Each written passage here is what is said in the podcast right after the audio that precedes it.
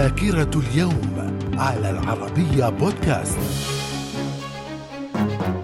أهلا بكم إلى ذاكرة اليوم التاسع والعشرين من ديسمبر.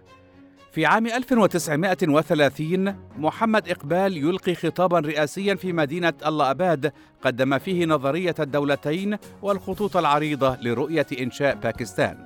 في عام 1940 الطائرات الألمانية تقصف لندن بالقنابل الحارقة.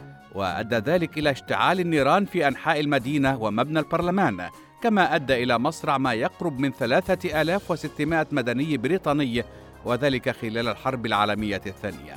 في عام 1944 صدر أول عدد من جريدة لوموند الفرنسية. من الذاكرة. في عام 1975 صدور قانون بريطاني يضع حدا للتمييز بين الجنسين في الأجور.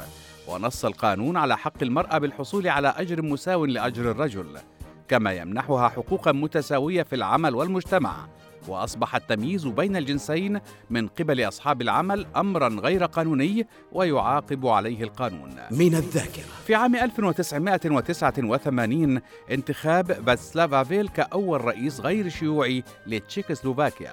في عام 1992 تنظيم القاعدة يقوم بأول عملية هجوم بتفجير قنبلتين في عدن باليمن استهدفت الأولى فندق موفنبيك والثانية موقف السيارات التابع لفندق جولد موهر من الذاكرة. في عام 1993 اختتام محادثات فلسطينية إسرائيلية في القاهرة.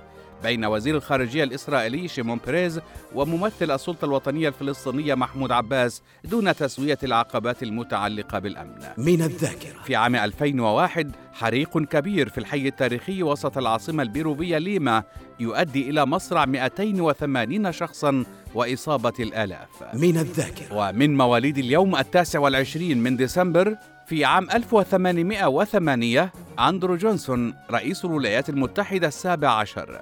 في عام 1960 أشرف زكي ممثل مصري. من الذاكرة. من وفيات اليوم التاسع والعشرين من ديسمبر في عام 1906 إبراهيم اليازجي لغوي وناقد وأديب لبناني. في عام 2003 أحمد صدق الدجاني مفكر فلسطيني.